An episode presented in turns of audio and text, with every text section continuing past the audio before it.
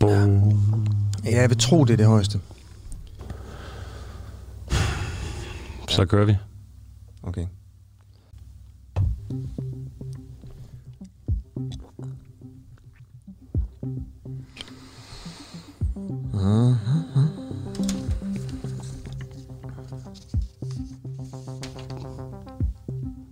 Dagens spørgsmål. UFO'er.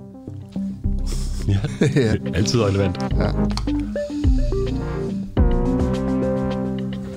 Jamen, så lad os tage den. Findes der UFO'er øh, i, i Danmark, skulle jeg lige til at sige, men altså, det må jo næsten være hele verden. Det må i, være interstellart og, øh, og i vores øh, solsystem og på jorden, ja. Kongressen i USA skal snart kigge på en rapport om UFO'er, som Pentagon har udarbejdet. Øh, der er meget debat om det for tiden. Der er en professor på Harvard, der siger, at der var en UFO for nogle år siden, øh, rumcigaren. Jeg ved ikke, om du har læst om den? Er det Uamurmur? Uamurmur? Ja, Ja, det er den. ja. Lige præcis den. Ja. Øh, og så er der jo nogle nye observationer nu her, som altså Pentagon aflægger rapporter om til den amerikanske kongres. Ja. Nogle piloter i det amerikanske luftvåben, der har set nogle, øh, øh, et eller andet bevæge sig ud over Stillehavet. Ja, der er kommet nogle videooptagelser, som øh, er blevet delt meget flittigt på øh, selv CNN og New York Times og den slags øh, aviser, altså begyndt at gå seriøst ind i det her med UFO'er, og øh, og det er jo virkelig spændende, altså. Helt vildt.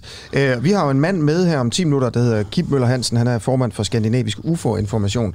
Og spørgsmålet er, at, øh, om om det er ham, der som UFO-benægter nu er blevet konspirationsteoretikeren. Ja, det, ja. det ved man aldrig. Han mener, det hele er en stor konspiration, og, og det er en mand, der ligesom har fået øh, al den her UFO-virak til at, til at, ligesom at brede sig i medierne. Ja, og så er der også noget med, at Trump han faktisk var lidt mere åben over for UFO'er, øh, mærkeligt nok, eller måske En, en hvem? en øh, tidligere præsidenter i hvert Ja. fald har været. Så det er Trump, der har sat gang i en eller anden undersøgelse, fordi han har... Altså, mange af hans vælgere kommer jo også fra Midtvesten, og det er typisk der UFO'er lander, så det kan være, det har noget med det at gøre. Men altså, helt ærligt, hvis du var præsident, Adam, ville du så ikke også som en af de første ting gå ned og spørge, prøv at er der noget om det? Hvis jeg var Trump, så ville jeg i hvert fald, ja. Okay, velkommen til en uafhængig morgen. Øh, I studiet her til morgen er det Asger Jul og Adam øh, Dreves. Øh, Det er også to. Klokken er to minutter over syv. Vi sidder her en hel time. Du kan komme i kontakt med os ved at skrive en sms 1245, og så bare DUA, D-U-A-H, mellemrum, og så en besked. Du kan for eksempel skrive, om du tror på UFO'er. Øhm, men der kommer også til at være mange andre ting, som, øh, som vi beskæftiger os med her i løbet af dagen. ja. Og, og det første, vi skal, vi skal snakke om, det er jo simpelthen øhm, kontanthjælp og ydelseskommissionen, som er kommet, som har kommet med nogle anbefalinger om, hvad kontanthjælpsmodtagere egentlig skal have. De er kommet frem til, til nogle tal. Carsten Hønge fra SF, godmorgen. Sådan. Godmorgen. Øhm, vi kan læse i Berlingeren, at hvis ydelseskommissionens forslag til en ny model for sociale ydelser bliver gennemført, så vil gevinsten ved at tage et lavindkomstjob for en enlig med tre børn for eksempel være 3.200 kroner. Øh, Hvad siger du til, til, til det, det, der er blevet lagt frem fra ydelseskommissionen omkring kontanthjælpssatserne? Altså, altså, i forhold til den opgave, de fik, så synes jeg egentlig, de har løst den okay. Altså, man skal jo tænke på, at de fik at vide, at de skulle komme med en, uh, en beretning, der ikke måtte koste nogen penge. Så inden for de snævre rammer, så synes jeg jo egentlig, det de er mødt op med, det er, det er okay, for det var meget vanskelige opgave, de har fået. Men til gengæld, så gør det det forholdsvis let for vi politikere kan tilføre flere penge, hvis der er nogle ting, vi ønsker at rette op på. For den har jo nogle, øh, nogle voldsomme skævheder, øh, den konstruktion, de så møder op med. Hvad er det for nogle skævheder? Og jeg mener, den ambition, som vi jo har i forhold til, at der skal være færre fattige børn i Danmark, ja, der ender deres forslag jo i et uh, rent nul. Der kommer ikke til at ske nogen forandringer. Altså, de siger godt nok, at der kommer de her 4-6.000 børn op over fattigdomsgrænsen. Men til gengæld, hvis du så indregner, at den her midlertidige børneydelse fjernes, så ender vi faktisk i rent nul. Og men det er altså lige et nummer for uambitiøst, at når vi har 59.000 fattige børn, og så man slet ikke flytter på det. Så det er det ene, ikke? Bare for at tage en anden enkelt ting, det er, at man, har, man vil gøre vilkårene meget vanskelige for psykisk syge under 30 år. Altså, så det er sådan fra en en mindre gruppe, nemlig de syge syge, som er måske ikke meget alvorligt, at man vil gøre livet mere usikkert, og på den måde også noget af det, der kan påvirke de her unge meget, og så til den store gruppe af, af fattige børn. Så der, der er flere ting, der skal laves om på, men der er også gode ting i det. For eksempel den der forenkling, de lægger op til, det er så godt, fordi det system, vi har i dag, det er jo en jungle, som, som, som ingen kan, kan, kan finde rundt i med, med 27 forskellige satser, som, som, som, som både borgerne og sagsbehandlerne har ikke en chance for at kan finde rundt i det. Det er meget godt, de sådan foreslår forskellige oprydninger i det.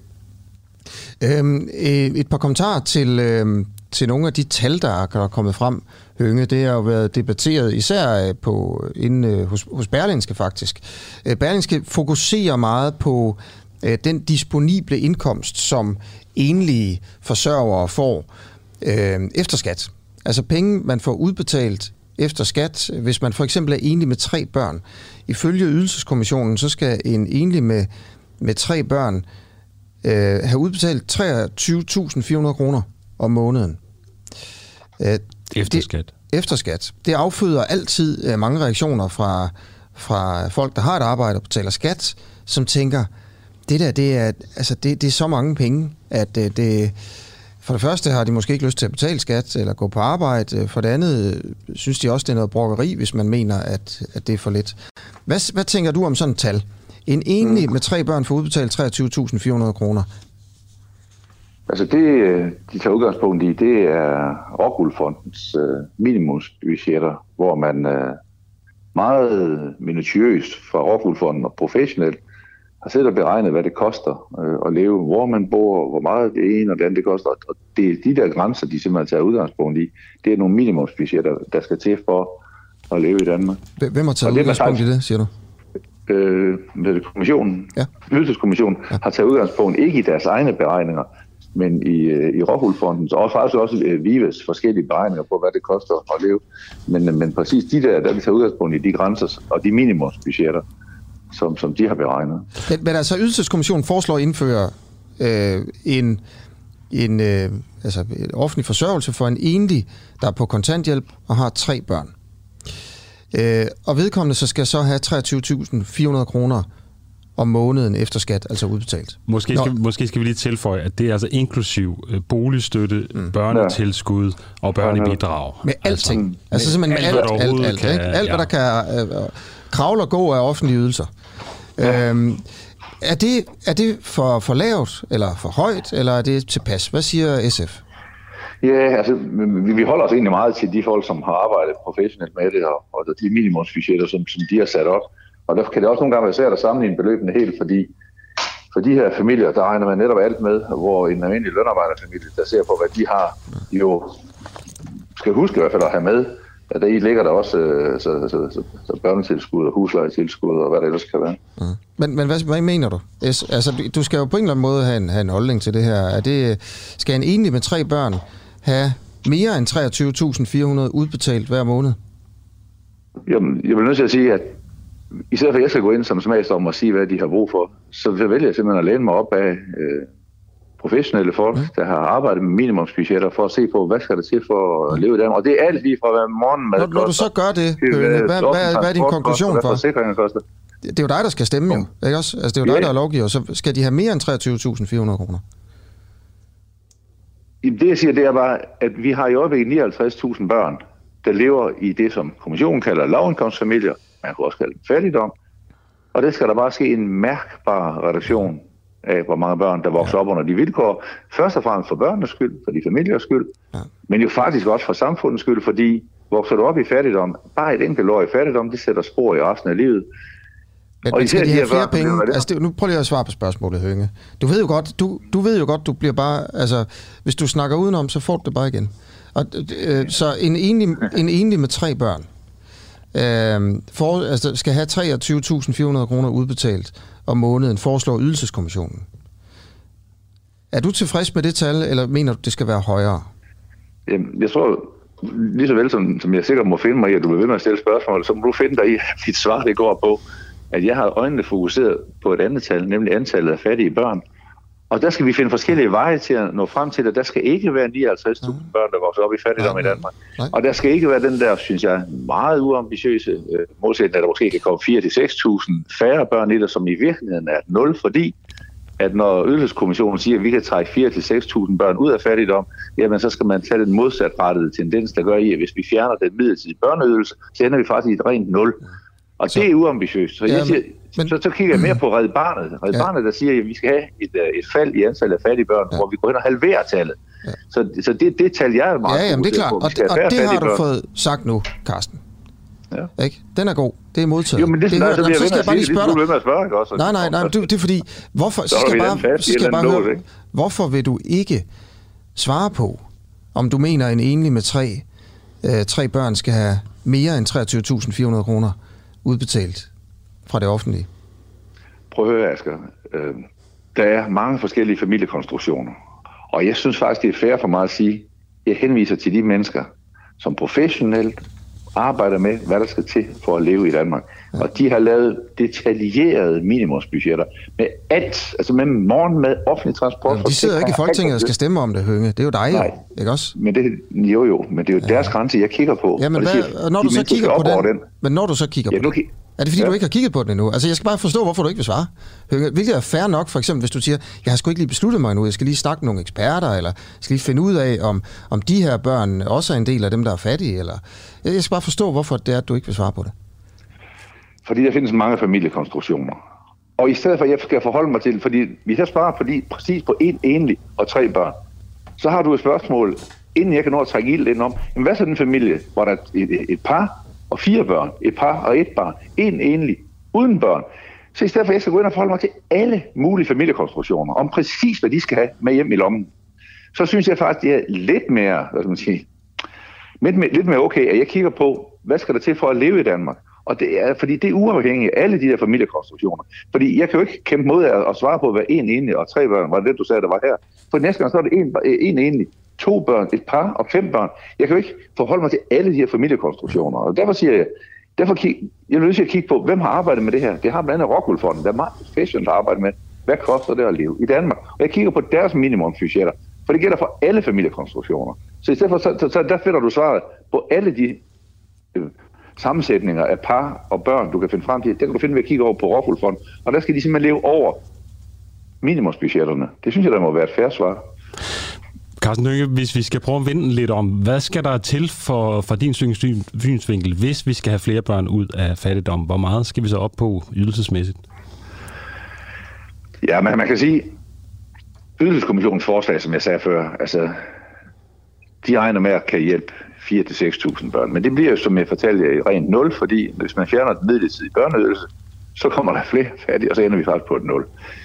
Så det, det, jeg synes, der kunne være det første udspil, det er, at vi fastholder den midlertidige børneydelse, altså de 250 millioner, som vi i øjeblikket bruger på det, og tilfører dem systemet. Men jeg er ret sikker på, at det er for lidt at bruge de 250 millioner, fordi det er ikke kun øh, antallet øh, af fattige børn, som vi har stærke ambitioner for at få, få det tal langt længere ned. Fordi nogle penge finder ydelseskommissionen faktisk også på nogle, på nogle andre mennesker, som jeg synes er helt urimeligt at ramme hårdt. Det er, er blandt andet psykisk syge under 30, som man har tænkt sig at gå hen og ramme ret hårdt økonomisk. Jeg synes jeg bare, okay, at det nu lige en gruppe mennesker, som, som, som skal rammes hårdt, dem der lever i, i utryghed og usikkerhed, hvad er det lige, det gør ved en psykisk syg under 30, og få at vide, at nu er der også øh, en voldsom øh, som sige, indskrænkning af, af din økonomi på vej. Så det, det, det er også en gruppe, som, som vi i hvert fald ikke med nogen rimelighed øh, skal ramme. Så der, der er nogle forskellige justeringer. Øh som vi skal, som vi møder op med. Men, men, vi, men en, en, vel i omegn mellem, altså i umiddelbart, det bliver omegn mellem 250 millioner og, og 400 millioner, synes vi, at det, det skal til for at få, få enderne til at nå sammen i, uh, i et nyt system. Ja, det er jo sådan en, en uge med test eller et eller andet. uh, der... Hvad siger du? Ja, det, man, man bruger 2 milliarder på test. Det var bare det. Øh, jeg ligesom bare prøvet at sammenligne med okay. på at teste corona Test, ja. hver måned, ikke? 2 milliarder. Ja. Men øh, der er nogle sms'er her fra en, en lytter, der Kenneth mener, at, at vi har en dårlig vinkel på det, at vi sidder og snakker om, øh, om, om tal på den her måde. Øhm, og så øh, skriver Ulrik, at 23.400 kroner Øh, det er vildt, og det er jo altså det tal, øh, som jeg sagde, en enlig med tre børn på kontanthjælp vil få udbetalt fra det offentlige øh, med, med det, det nye forslag fra kommissionen. Det er vildt, og det vil sige, at alle de selvstændige og almindeligt lønnede, de er fattige. For nogen til at regne baglæns, hvor høj løn man skal have for at få så meget udbetalt, og hvor mange der får det, skriver altså Ulrik. Og der vil jeg sige, jeg kender ikke din situation, Ulrik, men men, men, men det her, det er altså regnet med det hele. Og det er jo altså ikke det, man ser, der kommer ind på sin konto hver måned, hvis man ja. er kontanthjælpsmodtager med, med tre børn. Fordi der er også nogle af de her ydelser, der kommer, øh, hvad er, det, er det hver tredje måned, der kommer børnepenge og, og sådan noget. Men, men hvis man regner det hele sammen. Børnetilskud og boligstøtte, ja. øh, børnebidrag, alle de her ting. Og derfor så er der mange folk med arbejde, der, der lige nu sidder og måske lytter til det her og tænker, jeg får mindre. Ja. Men hvis man regner det hele med, så, så vil det nok være for de fleste vedkommende i hvert fald, alligevel lidt, lidt mere, uden jeg helt øh. kender dine forhold, øh, Ulrik. Og tak for sms'en i øvrigt. Det helt skrabede tal er 14.000 ikke? på højeste sats øh, kontanthjælp. Carsten Hønge fra SF. Altid en fornøjelse. Ja, velbekomme. Det var en fornøjelse. Tak. Ja, øh, man kan skrive ind til... Uh, jeg godt, du har lange arme, Adam. Ja. øh, man, kan, man kan skrive ind til os på, på sms 1245. Øh, og så bare skrive øh, DUA først, D-U-A-H, mellemrum, og så en, øh, en sms. En besked. Og øh, klokken er nu kvart over syv. Det er en, en uafhængig morgen, du lytter til. Vi er, øh, vi er her på pinden i tre kvarter endnu. Ja, og vi skal videre og tale om øh, Nordjylland, nærmere betegnet Jomfru Anegade som jo har været åben på trods af, at der har været nedlukning i sovnet. Men nu øh, øh, lukker Folketinget ned for udskænkene på barne i Jomfru Anegade i Aalborg. Øh, Sognet har været lukket ned, det vil sige skoler, kunst, øh, kulturinstitutioner og fitness har været lukket ned grundet det høje smittetryk, og Styrelsen på Patientsikkerhed kæder Jomfru Anegade sammen med næsten 60 procent af smittetilfældene i fire sovn. Vi skal tale med Stinus Lindgren, sundhedsordfører og formand i epidemiudvalget. Godmorgen. Godmorgen. Godmorgen. Det er jo lidt interessant med de her øh, regler. Altså, vi, vi, vi forstår dem ikke, og jeg er sikker på, at jeg ikke er alene med det her. Når man, når man laver den her automatiske nedlukning af sorgen, hvor man så lukker for skoler, kulturinstitutioner og fitness, hvorfor holder man så barne åbne? Ja, så det er jo et rigtig godt spørgsmål der ligger det i det, da vi øh, fik præsenteret den automatiske nedlukningsmodel i sin tid, at når man lukker et sov, så er det jo en relativt lille enhed i kommunen. Og øh, anbefaling var dengang, at det giver ikke mening at lukke ned for for eksempel barn, fordi man bare kan tage fra sovnet over i et andet sov. Øhm, så det, man kunne bare gå på den anden side af gaden, og så kunne man bare der. Det, det gav ikke mening for Styrelsen af Patientsikkerheds side. De pegede på, at det er bedre at lukke ned for, for skoler for eksempel, fordi der vil det ofte være folk fra lokalområdet, der går det, der så er ændret siden da, det er, at man også nu kan lave en individuel vurdering af skolerne og holde dem åbne, øh, hvis der ikke er øh, risiko for smitte, men det er jo så styrelsen der skal lave den vurdering. Okay. Den her situation i Jomfruenke har så vist, at der er en svaghed i den model, hvis det pludselig er et andet sted, smitten rent faktisk kommer fra. Og det er jo så det, der har været drøftet i Epidemikommissionen, og som førte til den beslutning, vi træffede i går. Ja, Ja, fordi man skulle tro, altså folk kommer vel også langvejs fra for at feste i Jomfru Anegade. Altså i hvert fald, det er jo sådan en berømt festgade. Og øh, kulturinstitutioner kommer vel også langt fra for at besøge. Altså hvor, hvad, hvad er ræsonen bag den her idé?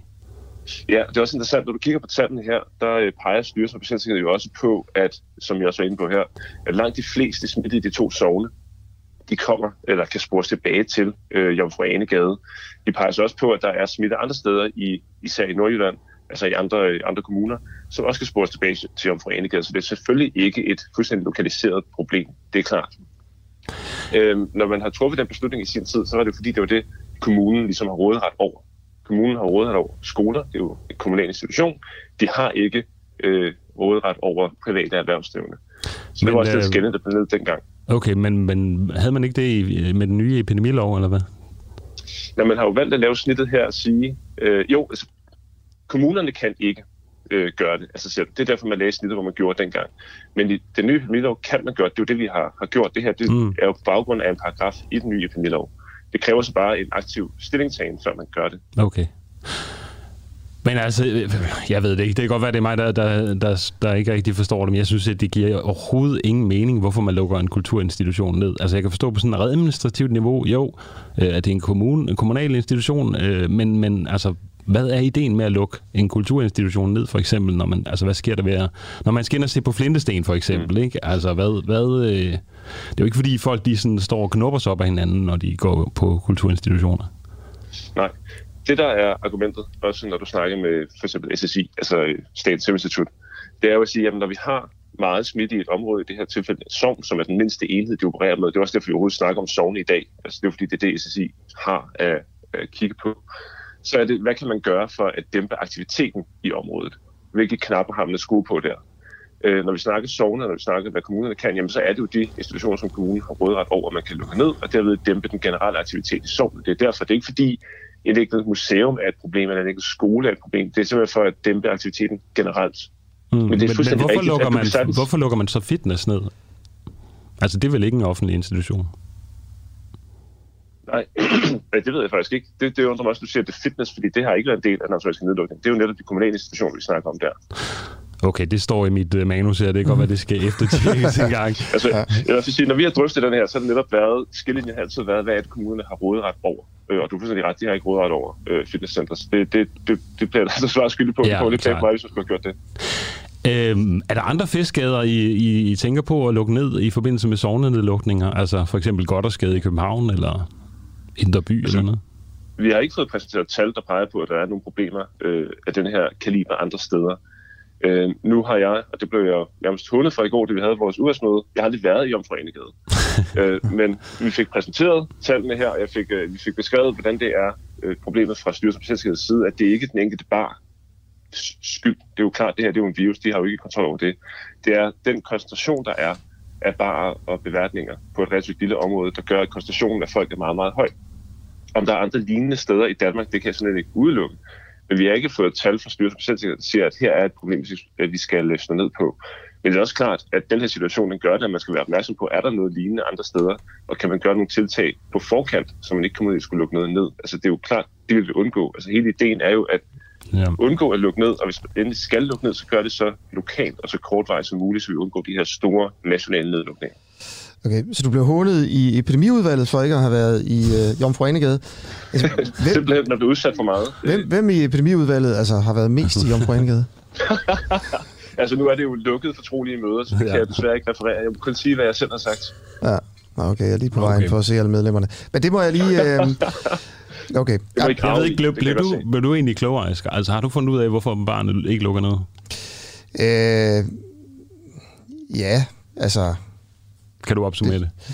det? Øhm, altså, det kan godt være, du sad så. Nej, men altså, det er jo fordi, man, man tager de, de, de kommunale steder, og så, øh, så er man lidt mere flex med det med bare også fordi folk ligesom kommer andre steder fra i byen. Ikke? Mm. Altså, jeg synes egentlig... Hvad siger du? det, det var med her, at, at den, den, den sovende nedlukning, der er det, øh, som vi siger her, der er det de, de kommunale ja. institutioner, der lukker. Hvis det er hele kommunen, ja, ja. så kommer der jo det ekstra skridt med, hvor det så også er alt øh, erhvervsliv, der lukker ned.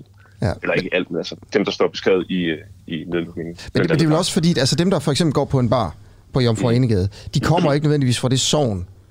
Altså, de kommer lige ikke lige fra huset ved siden af. De kommer fra den anden ende af Aalborg, eller øh, lige præcis, fra og det kan også være, hvis du lukker eller et eller andet, præcis, eller hvis du lukker på Dolphy Sogn og lukker alle barne der, så skal du bare trykke ja. i nabosognen. Ja. Øh, det har været resonemanget, at det, det giver ikke mening, fordi du kan bare gå på den anden side af gaden i det næste sogn, og så er det åbent. Ja. Øh, mens hvis du snakker kommune, jamen, så er det jo en noget større enhed. Ja. Øh, og der giver det mere mening. Men ja. du har fuldstændig ret, det er det, der er resonemanget. Man kunne lige så godt sige, hvis, altså, hvis smitten var stor i Nørre Sundby, så ville det måske give allerbedst mening at lukke Jomfru Enegade, selvom den ikke ligger i Nørre Sundby. Fordi, der, altså, der, ja, ikke? I stedet ja, for en skole i Nørre Sundby. Fordi det er der, alle dem fra Nørre Sundby i virkeligheden bliver smittet, det er, når de tager i byen. Og der peger du på noget vildt centralt. Fordi det var netop det, der var, øh, som vi sikkert husker, hele den her automatiske nedlukningsmodel har jo været revideret på gange og har været kritiseret også af mig selv.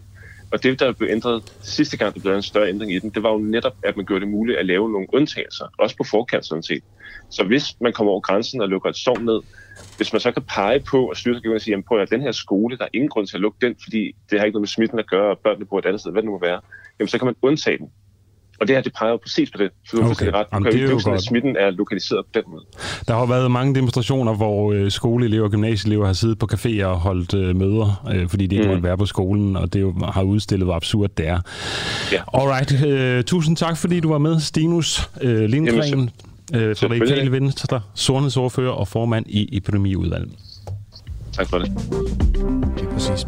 24 minutter over syv. Den israelske oppositionsleder Yair Lapid, øh, han øh, sagde i, øh, i, aftet, i aftes, at nu har han flertal i det israelske parlament knæsset, og dermed så er Benjamin Netanyahu ude, han er færdig som premierminister, en ny mand kommer til, oppositionslederen, han har rottet sig sammen med, med nogen, han normalt ikke plejer at lege med, øh, så vidt, øh, så vidt jeg forstår det. Ja, en øh, 49-årig øh, amerikansk øh, jøde, der hedder øh, Natalie Bennett, som øh, befinder sig øh, godt ude på højrefløjen. Ja. Øh, så det er sådan en ret vild ko- ko- koalition. Øh, og de har så indgået en aftale, det her øh, centrumparti, eller midter, lidt venstreparti-agtige øh, Lapid og, og Bennett, hvilket svarer til, hvis øh, ja, måske SF Socialdemokratiet skulle lave en regering sammen med øh, DF og Nye Borgerlige. Okay.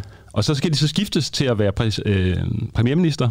Ja. Øh, Lapid tager de første to år, Ja. og øh, så kommer Bennett til. Så øh, Og der kommer jeg jo tænke, til at tænke på, øh, jeg mener, det var altså, Kalundborg Kommune, faktisk. Eller, ja. eller Slagelse eller Næstved, noget af den stil, hvor ved si- seneste kommunalvalg, der laver Socialdemokratiet og Liberal Alliance jo en lignende aftale. Ja. Hvor, øh, jeg mener, det er ham der Dyrby Poulsen, der skal være borgmester de første to år, og så er der en fra Liberal Alliance, som også tidligere var i Folketinget, nu, nu kan jeg ikke lige huske hans navn. Han skulle så være borgmester de næste to år. Mm. Og det ender med at gå i skud og mudder. ja, Altså, og ham fra Socialdemokratiet, han fortsætter bare. ja.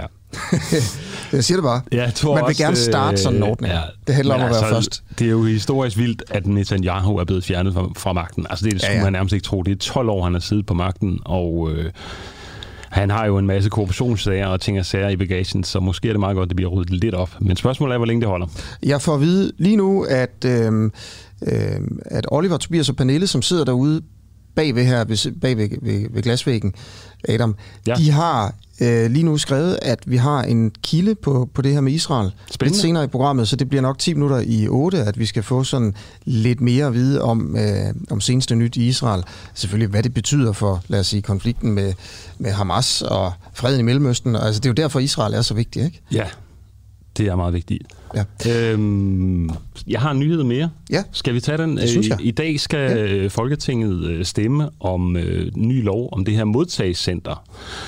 Øhm, altså, Socialdemokratiet har jo gået til valg på, at de vil øh, sørge for, at asylansøgere bliver sat på en fly og øh, skibet afsted til et tredje land, altså Rwanda, Etiopien eller hvad det nu måtte være.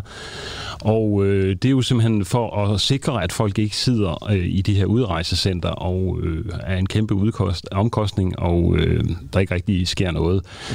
Men den her plan, den øh, er der nu et øh, protokol i den europæiske menneskerettighedskonvention, som spænder lidt ben for. Altså, det, der står nemlig, at det er kollektiv af ud, af udvisning af udlænding er forbudt.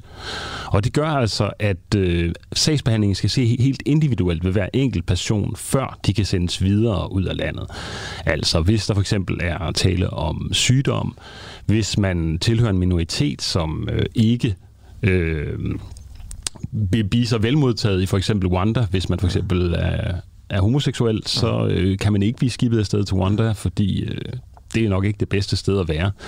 Så der er en masse ting, der ligesom skal øh, på plads, før at de kan blive skibet afsted. Øh, og øh, Thomas Gammeltoft Hansen, som er professor i flygtningeret på Københavns Universitet, vurderer, at det nok vil kunne skulle trække, kan trække ud i flere måneder. Mm. Øh, ikke uger eller år, men måneder, siger han. Og øh, Tesfaye udtaler selvfølgelig, at øh, det kan gå hurtigere. Han regner med et par uger. Det er noget med at tilføre tilstrækkelige midler og øh, have et fly, der ligesom står klar. Og, Okay.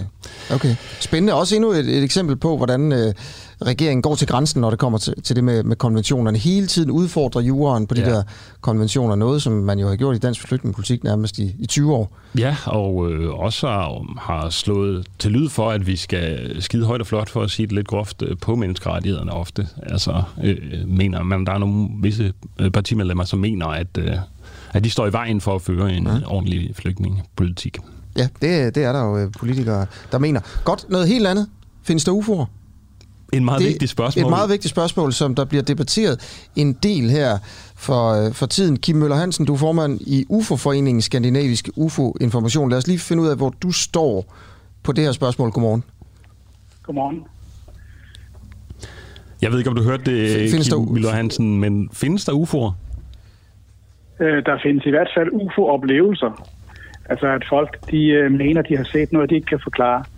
Men, øh, men hvis du med spørgsmålet mener, om der findes UFO'er, som er lige med rumskibet, så vil jeg sige nej.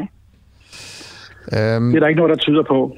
Snart så skal kongressen i USA kigge på en rapport om, øh, om UFO'er, som Pentagon har udarbejdet.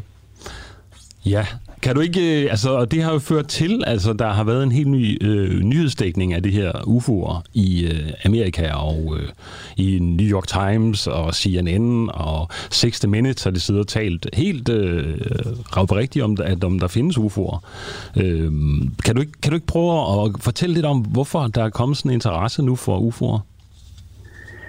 Jo, altså øh, man kan sige, der har faktisk altid i øh, Øh, inden for Pentagon være en vis interesse for UFO. Man har, har gennem årene undersøgt øh, folks UFO-oplevelser mange gange, faktisk øh, allerede i 1947 til 69, øh, og så har man gjort det efterfølgende nogle gange. Men grunden til, at, øh, at der er meget sådan, stå hej om det lige nu, det er, det skyldes, øh, at øh, der i december øh, 2020 var en, øh, undskyld, 2017, øh, kom nogle øh, artikler i New York Times, øh, som handlede om at øh, det amerikanske, øh, de amerikanske myndigheder, altså Pentagon, hemmeligt havde haft en gruppe, som undersøgte UFO'er, og den gruppe havde arbejdet fra 2007 til 2012, og det var der ingen, der vidste noget om.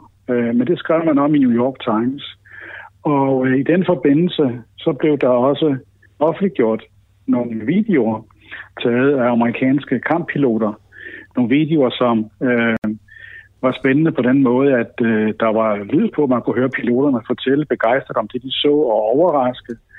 Øh, og det var sådan set en nyhed, der blev øh, der, der satte en masse i gang i øh, 2017, fordi øh, New York Times bliver normalt anset for at være et, et troværdigt kilde. Øh, og de her videoer, de tre videoer, som man kalder Pentagon-videoerne i dag, de øh, gik verden rundt, og, øh, og det var en nyhed for mange i hvert fald, at, øh, at de amerikanske myndigheder i hemmelighed har undersøgt UFO'er i øh, fem år og brugt en hel del penge på det, og at øh, de nu frigav øh, øh, de her tre videoer. Og det har så bragt noget politisk øh, øh, røre i, øh, i senatet og i kongressen. Øh, og så er der nogle senatorer, der har bedt øh, øh, det var daværende præsident Trump om at øh, få undersøgt det her nærmere. Og det var han glad for, ikke? Trump, han er også sådan lidt interesseret i UFO, ikke? Jo, han er jo nok øh, den præsident, der har øh, øh, ikke snakket så meget om UFO'er, men i hvert fald konspirationsteorier. ja. så, øh, så for ham var det, var det måske også en kærkommende lejlighed til at imødekomme øh, et ønske fra, fra befolkningen. Så han nedsatte faktisk en taskforce i, øh, i 2020, altså en gruppe, som skal undersøge UFO'er. Øh, og, øh, og så er der sket det efterfølgende, at øh, flere senatorer har sagt, jamen øh, når vi nu ser de her videoer øh, på nettet, øh, når vi nu hører piloter fortælle, at de har set noget, som de ikke kan identificere, og når nu at seriøse medier som New York Times og andre fortæller, at øh, vores militær øh, undersøger UFO'er, skal vi så ikke få undersøgt det, øh, eller få offentliggjort det, som vi rent faktisk ved, hvis vi ved noget? Er det her en trussel mod USA? Så det er et sikkerhedsspørgsmål. Og øh, det endte så med, at øh, Trump, før han gik af i december 2020, øh, bestemte, at nu skal de amerikanske efterretningsvæsener fortælle øh, her i juni måned, altså den måned, vi er i nu, hvad de egentlig har undersøgt og ved om UFO'er. Okay. Men altså, det, det er meget sjovt, synes jeg, det her med, det siger meget om menneskeheden, det her med, hvordan vi betragter UFO'er, ikke? Eller sådan, det er altid et sikkerhedsspørgsmål. Altså, kan vi blive angrebet, ikke? Altså, det er altid, øh, altså sådan, man forestiller sig aldrig, at der kommer nogen med fred og siger, hej, hvem er I her på jorden? Altså, det er altid ud med geværerne og de store laser og skyde dem ned, inden det når. Men der, der er særlig en mand, øh, du er ude efter, kan jeg forstå, altså Luis Elizondo, som du mener har taget hele verden med næsen med den her røverhistorie om uh, UFO'er.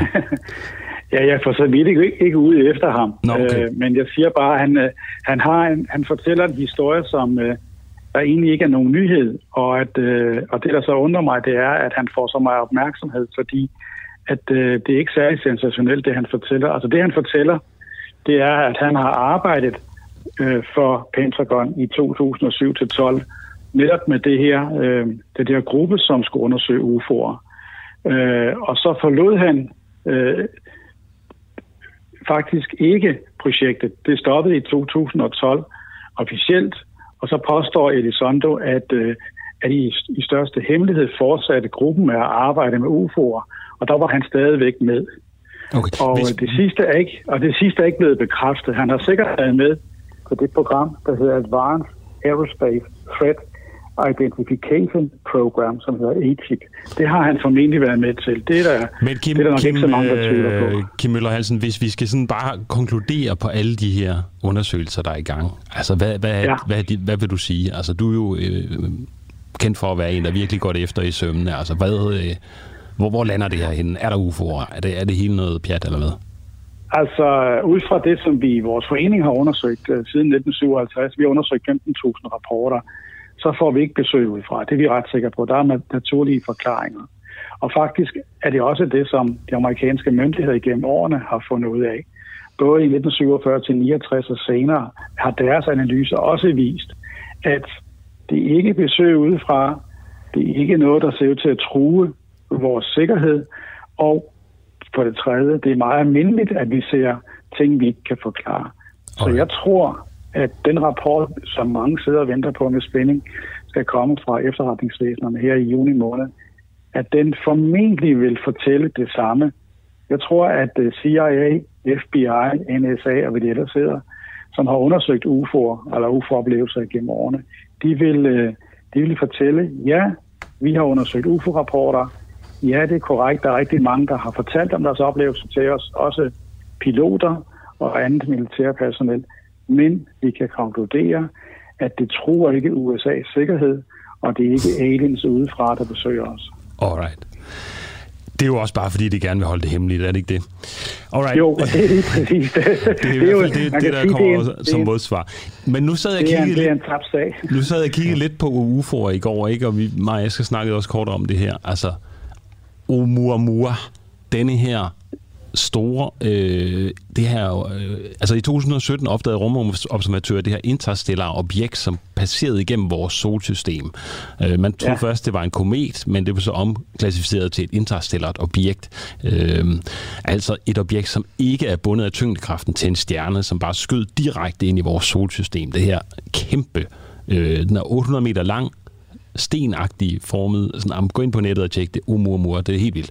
Den har en gennemsnitsradius på 104 meter, og øh, ja, den skyder afsted med en, omkring 100.000 km i timen. Hvad? Altså, der, der har været sådan lidt spekulationer om, hvorvidt det var et et rumskib, fordi da det ligesom havde drejet rundt om solen, der skød det afsted med en... Der accelererede det. Ja, Hvad, hvad siger du til? ja og, det, og, det, og, det, og det synes jeg lyder spændende, og det, øh, jeg tror heller ikke, at videnskaben er de, øh, de, de er jo ikke alle sammen enige om dem, der kender noget til det her, om at- hvad det rent faktisk er. Så der er forskellige idéer. Øh, Jeg ved godt, der er en, der, der siger, at det nok er et rumskib besøgende udefra, men, øh, men altså... Hvad mener du? Øh, jeg mener, jeg vil se beviser først, før jeg tror noget som helst. Ja, Øh, alright. men altså på den anden side, jeg lytter altid, altså nu er jeg ikke astrofysiker, så jeg kan ikke øh, vurdere, om de data, man har brugt til at, øh, at analysere det her objekt, om, om, øh, om de er troværdige, eller om hvordan de skal fortolkes, det kan jeg overhovedet ikke vurdere. Så det vil jeg helst ikke øh, udtale mig om, fordi det ved jeg alt for lidt om. Men Alright. det, jeg ved noget om, det, det, det er folks uforoplevelser, ikke hvad der findes langt ud i rummet. Godt. Det har jeg faktisk Tusind, ingen uh, tusind tak, fordi du var med, uh, Kim Møller Hansen, formand i Skandinavisk UFO Information. Og Asger, Selv tak.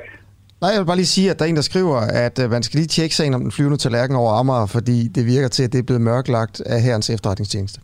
ind og tjek den. Det, det er bare lige for at sige det. Og så øh, den her, altså det, det, det her interstellare objekt, du, du snakker om, Ja. er også bare lige nævne, at en, en kendt professor fra Harvard, som er blevet interviewet i for eksempel Weekendavisen og Berlingeren, mener jo, at det er nogen, altså, der har bygget den her, det hedder jo rumcigaren, Ja. Uamua Øhm, så det er jo derfor, der er så meget, altså det er jo bare, jamen, en fuldstændig fantastisk historie. Prøv at gå ind og google det en gang, fordi det, er, øh, det ligner også et rumskib, men det er, ja, det er spændende. Ja, okay. Vi har i går her på Den Uafhængige fået 24 nye medlemmer, øh, som betaler 39 kroner om måneden. Og det siger jeg, fordi vi har sat os et mål. Inden sommerferien 1. juli, der går vi efter at få 3.000 medlemmer i alt. Og vi er nu på 2.040. Ja. Øh, så vi mangler små 1.000 medlemmer for at nå de 3.000. Og hvis det sker inden sommerferien, der er vel små 30 dage tilbage, så udvider vi til at sende to timer hver morgen. Vi, ud, vi, vi sender jo kun mellem 7 og 8, som det er, som det er nu, på, på Facebook og på vores øh, app, også på, på nogle andre steder. DK4, DAP for eksempel, kan man høre os, hvis man har en DAP-kanal. Øhm, også på DK4 TV. Men vi vil rigtig gerne sende to timer. Det her, det er jo, ambitionen er jo med det her, at vi skal vokse. Vi skal blive større, vi skal blive til på sigt en rigtig radio. Det er vi jo slet ikke endnu. Men lige nu er det en, hvad kan man sige, man plejer at sige sådan noget, det er en rejse. Og det går fantastisk godt. Øh, og vi vil bare også gerne måske sige tak til alle dem, der allerede nu er medlemmer Ja. og betaler. Og også tak til alle jer, der ikke er medlemmer, men som lytter med, fordi det er også fuldstændig afgørende. Og det er jo en sjov rejse at være med på. Altså, I kan jo følge os. Der kommer også til at blive gjort noget ved studiet på et tidspunkt og sådan noget. Og øh, vi får også nogle høretelefoner, der virker på et tidspunkt og sådan noget. Det går fremad. Det kommer til at ske. Så Så inden 1. juli 3.000 medlemmer, det er målet. Vi har selvfølgelig brug for hjælp. Vi kan jo ikke skrive os op øh, 500 gange hver, dig og mig, øh, inde på, på hjemmesiden. Så I må meget gerne hjælpe os med at nå det her mål. Klokken er 20 minutter i 8, øh, og nu siger vi godmorgen til anne Sofie Krav, journalist og forfatter. Godmorgen. Godmorgen. Øh, din bog, den udkom i, øh, i den her uge. Den hedder Det første år. Det handler om Mette Frederiksens første år som statsminister. Øh, du har fulgt Mette Frederiksen og hendes medarbejdere fra valget i juni 19 og så frem til juni 2020. Mm, øhm, ja. Og den er blevet voldsomt meget øh, omtalt. Du har jo øh, sat, sat en dagsorden med, med den her bog, og det kommer også til at være en del af for, historiefortællingen, også op mod det næste valg. Altså, hvem er Mette Frederiksen? Øhm, øh, blandt andet er der en fantastisk øh, beskrivelse, som jeg har hørt i andre medier, der handler om, at, at Mette Frederiksen øh, ringer direkte til direktøren i, i Københavns Lufthavn, for at sige, at hun mener, altså hun har lige været der, og folk står lidt for tæt. Øh, og sådan nogle, sådan nogle ting gør hun. Øh, så ja, det er, altså hun har ikke været der selv, hun har set billeder ud fra lufthavnen. Ja. Øh, ja, det, jeg jeg er helt, helt forelsket i, at hun gør det. Men jeg skal bare lige høre, øh, vi, skal, vi skal bare lige høre, inden vi, vi, vi hører lidt mere om det der, øh, hvilken redigeringsret hun har, hun har haft over bogen det har jeg også beskrevet i, øh, i øh, bogens øh, forord. Altså, da vi lavede aftalen om den biografi, og det gjorde vi tilbage i maj 2016. Det var mit eget initiativ til bogen. Jeg havde skrevet et brev til Mette Frederiksen, og så næsten et år efter, der sad vi så på hendes kontor. Øh, hendes daværende rådgiver Martin Rossen, Mette Frederiksen og jeg. Og så øh, havde jeg selv skitseret øh, konditionen sådan, sådan, altså for den bog, som jeg gerne ville lave. At det skulle være min bog, og ikke hendes bog eller vores bog. Og at øh, jeg skulle have lov at følge hende tæt, øh, og hun skulle deltage i, øh, med interview i det omfang, hun havde tid og lyst. Og at i det omfang, jeg blev lukket ind i fortrolige rum, så ville hun få øh, de afsnit til gennemlæsning inden tryk. Og hvad er et fortroligt rum? og det Altså, hvad, også- hvad, hvad var definitionen af et fortroligt rum? Så hvad er hun? Jamen, det er for, eks- for eksempel statsministeriet. Det er jo et fortroligt rum. Der kan du ikke komme ind, medmindre der er nogen, der giver dig adgang. Okay. Og så, så har hun haft, øh, hvor meget til gennemlæsning af bogen? Jamen, de afsnit, som er skrevet inden fra... Øh, Hvor- hvor meget er altså, det? hvor jeg er blevet lukket ind. Ja, det kan jeg ikke. Jeg har jo ikke lige talt sider. Nej, nej. Øh, men det er jo selvfølgelig en, en relativt stor del af bogen, for den er sådan meget reportagebåret inden Ja. fra, fra statsministeriet. Og så har hun så, øh, hvis der er nogen, hun ikke brød sig om, så kunne hun sige, at det skal ud. Eller hvad altså, var dealen? i teo- ja, altså det, det var jo sådan en øh, mundtlig aftale. Ikke? Øh, jeg har skrevet politiske portrætter i 20 år. Øh, jeg laver, har altid lavet de aftaler, at øh, det jeg øh, citerer øh, de personer, jeg portrætterer for, øh, det får de lov at læse igennem. Og det her er jo lidt det samme. Øh, og jeg, Men jeg hvad var aftalen? Altså oplevet- kunne hun få det ud, hun gerne ville have ud? Det er bare det, jeg spørger om. Ja, det kunne hun i princippet, ja. Ja, ja, ja. Det var jo aftalen. Altså, okay. øh, men, men, men prøv at høre. Og hvor meget har hun så taget ud? forstå- Ikke særlig meget. Må, må jeg ikke lige uddybe, hvad den der aftale... Altså, Jo. det, altså, hvad nu, hvis der var en situation, hvor jeg sidder til et møde, og hun sidder og siger et, og så går ud på et pressemøde og siger noget helt andet. Altså hvis jeg nu for eksempel fandt ud af, at der var blevet løjet eller et eller andet. Det er klart, så vil vi have en anden situation, men det er jo slet ikke det, der har været tale om.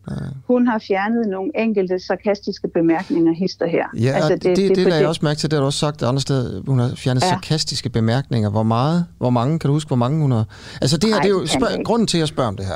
Også bare, hvis folk Mhm. sidder og tænker, hold nu kæft med det der. Øh, Fortæl nu om det der med, at hun ringede til lufthavnen. Du, du, du, du, du øh, fortæller jo historien om, hvem hun er. Ikke? Og vi skal, Ja. jo, vi skal jo stemme, øh, måske og endda inden længe igen. Mm. Og, og det, du fortæller, og det, der står i din Ja. bog, kan sagtens være afgørende Ja. for, om folk stemmer på hende. Det her, det kan være Aha. med til at øh, præge valget i Danmark, din historiefortælling. Ikke? Så mm-hmm. hvor meget er den farvet af statsministeren? Det er jo, det, det er jo selvfølgelig det, jeg, jeg, jeg prøver at undersøge. så Ja, hvor men mange, altså- hvor, mange, hvor mange ting har hun fået ud? Mhm. Jamen, ikke, jeg kan ikke nævne det på. Jeg har jo ikke siddet og talt det. Altså, det Cirka? er nogle måneder siden. Ikke? Jamen, øh, nej, jeg vil ikke sidde og sige, øh, hvad, ikke? tre, Tre, okay. Sarkastiske bemærkninger. måske. Hvad er en sarkastisk bemærkning i den her forbindelse? Er det fordi, hun har kaldt Jacob Ellemann Jensen for en stor fed nar? Nej. Eller, altså, hvad, eller Søren Nej. Brostrøm? Altså, Nej. hvad, er, hvad, Nej. hvad mener du med en Nej, sarkastisk bemærkning? Nej, slet ikke. Jamen, det kan være noget humor, som er svært at gengive på tryk. Nu kan jeg jo af gode grunde ikke gengive det, fordi det er jo taget ud. Hvilken Men det, form for humor? For eksempel, altså? Jamen, sarkasme, humor, et eller andet. Altså, du ved, ved, du ved vel godt, hvad sarkasme er. Det er jo, altså, man siger et eller andet, som, som, øh, som er sjovt, synes man i øjeblikket, men så kan det være, når man så ser det på tryk, at det måske virker lidt hårdt, eller Ja, Det er lidt andet. misforstået det, måske, det, er, ja. Ja, men det er ikke så meget misforstået. Man skal mere med op, at, det, at humor kan være svært at gengive. Altså, det er på det niveau, vi taler. Hvor, hvor tæt jeg kan du komme sige, på altså, det? jeg kan, Altså- Jamen, ikke tættere end det. Nå. Ikke tættere end det. Men Men, jeg vil bare sige, at jeg kan stå fuldstændig inden for den bog, jeg har lavet. Altså, jeg har fået lov at lave den bog, fuldstændig den bog, som jeg gerne ville. Den er endda blevet endnu bedre, fordi jeg fik endnu større adgang, end jeg havde håbet på. Hvem var hun sarkastisk over for så? Nej, det vil jeg da ikke sidde og sige. Må jeg Okay. spørge om øh, noget andet, Anne-Sophie Krav? Øh, Okay, jeg stopper. Det er godt, at du stopper mig. Det er i orden. Anne-Sophie Krav, øh, Mette Frederiksen bliver jo ofte beskyldt for at være magtfuldkommen og vil bestemme alt. Øh, Hvad, hvad, er det sandt? Hvad lægger du i ordet magtfuldkommen? For jeg har hørt mange forskellige tolkninger, så hvordan forstår du ordet? Jeg tror, det er meningen, at man sådan ser et billede af hende som lille øh, Kim Jong-un, øh, altså en diktator nogle gange. Øh, som, Okay, øh, ej, det som, kan jeg som, så ikke Nej, okay, det er måske lidt hårdt stillet op, men meget, meget øh, viljestærk og enerådet på nogle punkter. Okay. Viljestærk, enråd. Viljestærk i hvert fald. Det er der ingen som helst tvivl om. Enråd, åh, det ved jeg ikke. Altså, det, det, som jeg kan sige omkring det, det er, at altså, hun er, jo, altså, hun er den første, som har været meget sådan eksplicit omkring, at hun vil styrke statsministeriet. Jeg tror også, at det er meget, at det, at det, det der magtfuldkommende stammer fra, for det, det blev hun jo kaldt allerede inden coronakrisen. Hun havde jo sådan en plan klar for, hvordan hun ville styrke statsministeriet over for finansministeriet. Og det er min fornemmelse, at det var det, der satte gang i det magtfuldkommende. Hun ville gøre statsministeriet og sig selv mere magtfuld over for et voksende finansministerium. Okay, Og det er jo rigtigt. Og skære, over, skære ned meget- på embedsværket på en måde, eller skære igennem mere som politiker. Ja, hun ville opruste Ja. ja. snarere jo. Ikke? Hun ville opruste statsministeriet over for et voksende finansministerium. Hun ville give sig selv mere magt. Det er jo fuldstændig rigtigt. Og det har hun jo sagt helt åbent. Alright. Tusind tak, fordi du var med, Anne-Sophie Krav, og tillykke med bogen. Øh, Tak. de første Tak skal du år have. Om Mette Frederiksens øh, første år som statsminister. Ja, og næste Jeg vil bind, gerne lige have lov til at spille en jingle. Jeg synes, vi har savnet nogle jingler. næste bind øh, kommer, øh, kommer senere. Det er, jo, det er jo år to. Øh, så det er jo selvfølgelig bind to. Ja. Ja. Klokken er øh, 7.47, og i går der var der øh, stor debat i Folketinget. Det var afslutningsdebatten jo. Stor debat om udrejsecentret for udviste kriminelle. Øh, Markus Knudt, der er udlændingeordfører for de konservative, han, øh, han mener i forbindelse med den debat, at mange af de kriminelle udviste, de skaber stor utryghed for de lokale i nærområdet. Øh, Pape han kaldte det for et problem i dag i Folketinget, at de øh, udviste kriminelle, de bor på Kærshovedgård. Ja. Vi vil egentlig gerne bare prøve at forstå, hvorfor det er et problem. Jamen, jeg tror, at den, den utryghed, der er i området omkring Kærsudgård, den, den taler sit, uh, sit, sit klare sprog. Øhm, og hvis du kigger på øh, jamen, de mange sager, der har været med hul i hegnet og computersystemet, der ikke virkede osv. Jeg er godt klar over, at det var jo en, en blå regering, der placerede øh, folk på Kærsudgård frem for at de skulle være nord for, for København på øh, Center Sandholm, Sandholm, fordi vi kunne se, så øh, så kunne de jo tage ind til øh, Christiania, til øh, Istedgade og handle narko og lave andre former for kriminalitet. Så det handler om for den her gruppe placeret længst muligt væk fra den danske befolkning.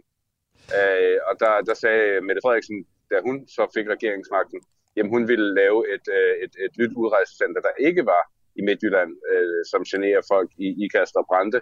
Øh, og, og det er jo så der, hvor hun nu fuldstændig har smidt øh, håndklædet i, i ringen, fordi at øh, øh, ja, hun har simpelthen valgt ikke at komme med en, en, en løsning, der er bedre end Kærsudgård.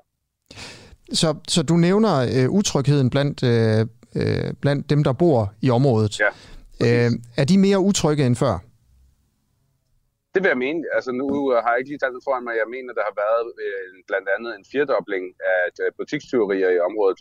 Øh, og det er endda med en, med en bemærkning øh, om, at der også er butiksejere, der simpelthen bare ikke gider melde det mere, fordi der kommer ikke noget øh, ud af det. Øh, BT har kørt en sag med en, en mand, der har brugt, jeg tror, over 100.000 af sine egne penge på ekstra sikkerhedsforanstaltninger købt en hund, øh, lavet tyverialarmer osv., osv., fordi at utrygheden er så, så voldsom i området. Øh, jeg har nogle tal her om, om kriminaliteten i området mm-hmm. simpelthen. Ikke? Øh, mm-hmm. men, men først vil jeg lige spørge dig om utrygheden her. Du nævner en, en mand, øh, som har udtalt sig til BT. Har du på en eller anden måde altså, statistik på, at der er mere utryghed end, øh, end før, eller er det, er det, er det sådan en anekdotisk øh, bevisførelse, vi er ude i? Jamen altså, det er som, som, som sagt tallet med en firedobling i butiksteorier, det synes jeg, der er en, en, øh, en meget god indikator. Ja, hvis, øh, man tager, om... hvis man tager altså, altså mængden af, af kriminalitet ja. som en indikator for, hvor utrygge folk er, så, så, så kunne man godt argumentere for, at de er mere trygge nu. Øh, det her, det er chefpolitiinspektør hos Midt- og Vestjyllands politi, Claus Hilborg, som siger øh, det her. Hvis vi ser på boarding postnummer, så kan vi se, at der var mere registreret kriminalitet i 2010, 11 og 12, inden Kærshovedgård blev etableret. Og en agtindsigt fra Midt- og Vestjyllands øh, politi viser, at man siden oprettelsen af Kærshovedgård i 2016 har rejst 137 sigtelser mod beboere på centret, 87 for lovovertrædelser, der er sket internt på centret, og 50 sigtelser, der er registreret uden for centret i perioden 16-21. Men altså, der er overordnet set mindre kriminalitet nu end i 10, 11 og 12, siger politiet. Nu har jeg ikke lige set de tal, du sidder med der, men, men øh, jeg, jeg, jeg tror det, jeg vil, jeg, vil, jeg vil bruge øh, min ganske helt almindelige sunde fornuft, at hvis der er en firedobling i antallet af øh, butikstyverier, som jeg husker, jeg vil gerne lige slå det efter for dig, øh, og at samtlige mennesker, øh, man har set i medierne, inklusiv borgmesteren i, i området, han må alt andet lige være en, en forholdsvis legitim stemme, sige, at de er rigtig, rigtig utrygge ved at have 130 hårdt kogte kriminelle, inklusiv fem, der er dømt for, for terror. Øh, altså at sige, at, at, at det ikke er noget, der skaber utryghed, det, det tror jeg, de færreste vil være enige i. Jeg er i hvert fald ikke enig i det. Øh, og det er jo også derfor, at, at, at man så den meget, meget voldsomme reaktion fra folk på Langeland, øh, for, fordi at de frygtede, øh, jamen, altså, at de her mennesker som deres nabo, det, det, det tror jeg ikke er noget, de, de fleste mennesker synes er en, en særlig god idé. Mm. Men hvis jeg nu fortæller dig her igen, at kriminaliteten er faldet, altså den var større i 10, 11 og 12, og det kan godt være, at hvis man ser på butiksteorier, så er det, så er det steget, men samlet set siger chefpolitiinspektøren, at, at der var mere kriminalitet i 10, 11 og 12, inden centret kom, end der er nu i boarding postnummer, altså lokalområdet.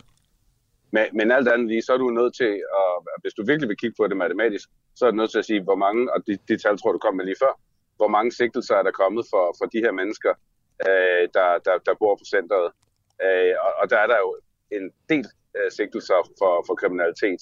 Øh, og alt andet lige, hvis de ikke var i, i, i lokalområdet, øh, jamen så var de sigtelser jo aldrig været der. Øh, så hvis du virkelig skal se på det, så er det jo det tal, du skal kigge på. Man skal vel se, hvor kriminaliteten er begået henne?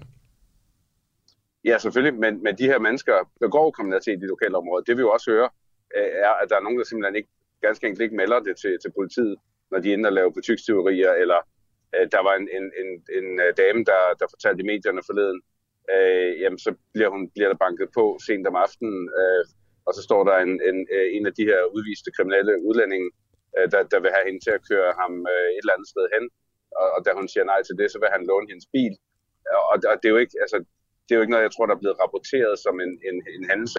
Men jeg kan da godt forstå, hvis jeg stod der, øh, det er en, en alene kvinde i, en mørk aften, så står der en, en udvist kriminel udlænding og, og vil have mig til at køre, øh, køre sig et eller andet sted hen.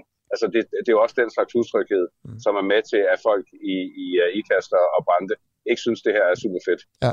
Men jeg prøver bare at udfordre dig på, øh, på den statistik og den fakta, som, som findes her.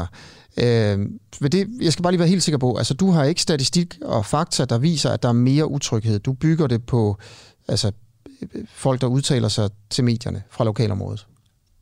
Ja, og ikke mindst borgmesteren, som udtaler sig på hele, hele lokalområdets vegne. Mm. Han, han er da alt andet lige en, en, en meget, meget legitim stemme. Ja, men alle er jo legitime stemmer, men, men du har ikke noget statistik og fakta at bygge det på. Ja, men og jeg, jeg må ærligt sige, det vil jeg gerne prøve at se, om jeg kan finde for dig.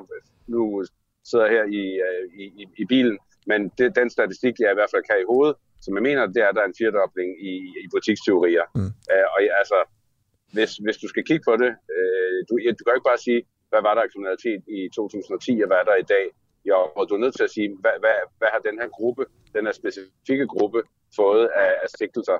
Mm. Uh, og og, og, og det, det, lad os sige, det matematiske tal, men det at have 130 udviste kriminelle, inklusive fem, der er dømt for terror, det, det, det er jo noget, der skaber øh, utryghed i et område. Det, det kan du høre, når du taler både med, med, med borgmesteren øh, og, og med folk i, i området. Mm.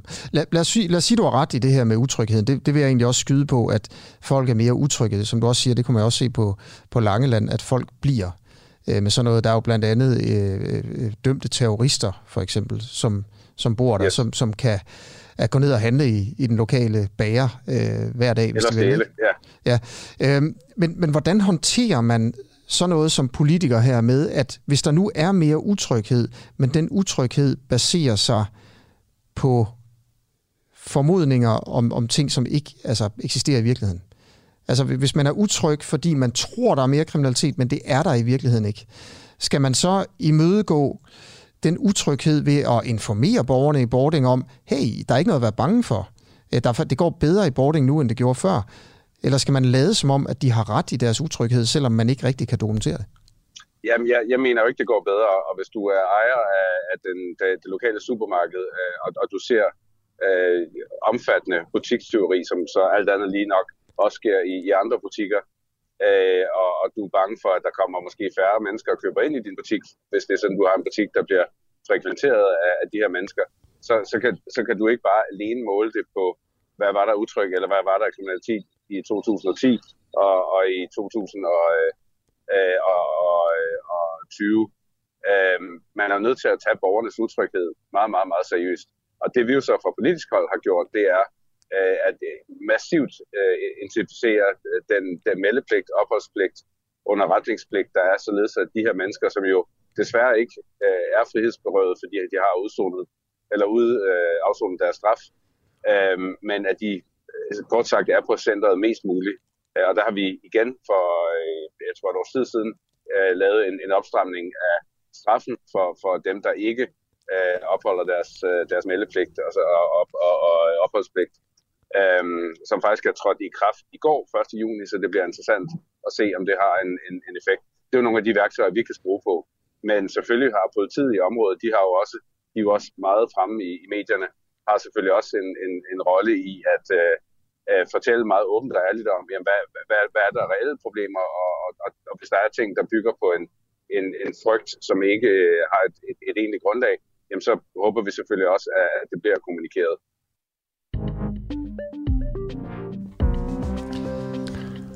Ja, her var det Markus Knudt, udlændingeordfører fra De Konservative. Og måske skal man bare lige sige, at han omtaler jo øh, de her mennesker som øh, kriminelle asylansøgere. Og altså, vi lever jo faktisk i en retsstat, hvor man ikke er kriminel, når man har afsonet sin straf. Mm. Og det er lidt det sprogbrug, der går igen og igen, så, så altså, det er afvist alle tynansøgere, men det er ikke kriminelle hvordan, hvordan er reglerne egentlig med det? Fordi hvis du for eksempel har øh, myrdet en mand, er du så ikke længere morder, når du kommer ud af fængslet? Du er i hvert fald ikke øh, kriminel længere. Ah, okay. Altså, så man er morder, men ikke kriminel? Det ved jeg ikke. Hvad vil du sige til en læge, der har fået frataget sit øh, lægebevis? Er han, så er han vel ikke læge længere? Nej. Nej. Så du Nej. vil heller ikke morder længere? Jamen, altså, altså mener du det? Mener det? Hvad med en terrorist, der er kommet ud af fængsel? Han er ikke så jeg, jeg, jeg, synes, jeg synes, det vigtigste bare er at slå fast, at der bliver ved med at blive sagt kriminelle udlændinge, som om, at det er nogen, der render rundt og hele tiden er kriminelle. Mm. Og det viser fakta jo, at de ikke er. Øh, og, og altså, jeg synes bare, at sprogbrugen skal være korrekt, når vi lever i en retsstat. Ja. Altså, når folk har afsonet deres straf, så er de ikke kriminelle længere. Mm. De er, jo, de er jo kommet ud af fængslet, det er jo der pointen. De, er jo, de har jo så øh, de har fået en dom, og, og, så, og, så, og så er de blevet udvist på grund af den dom. Men ja. de kan ikke blive sendt hjem, og derfor er de på det center der. Så nogle af dem er jo netop kommet ud af, af fængslet. Ja. ja.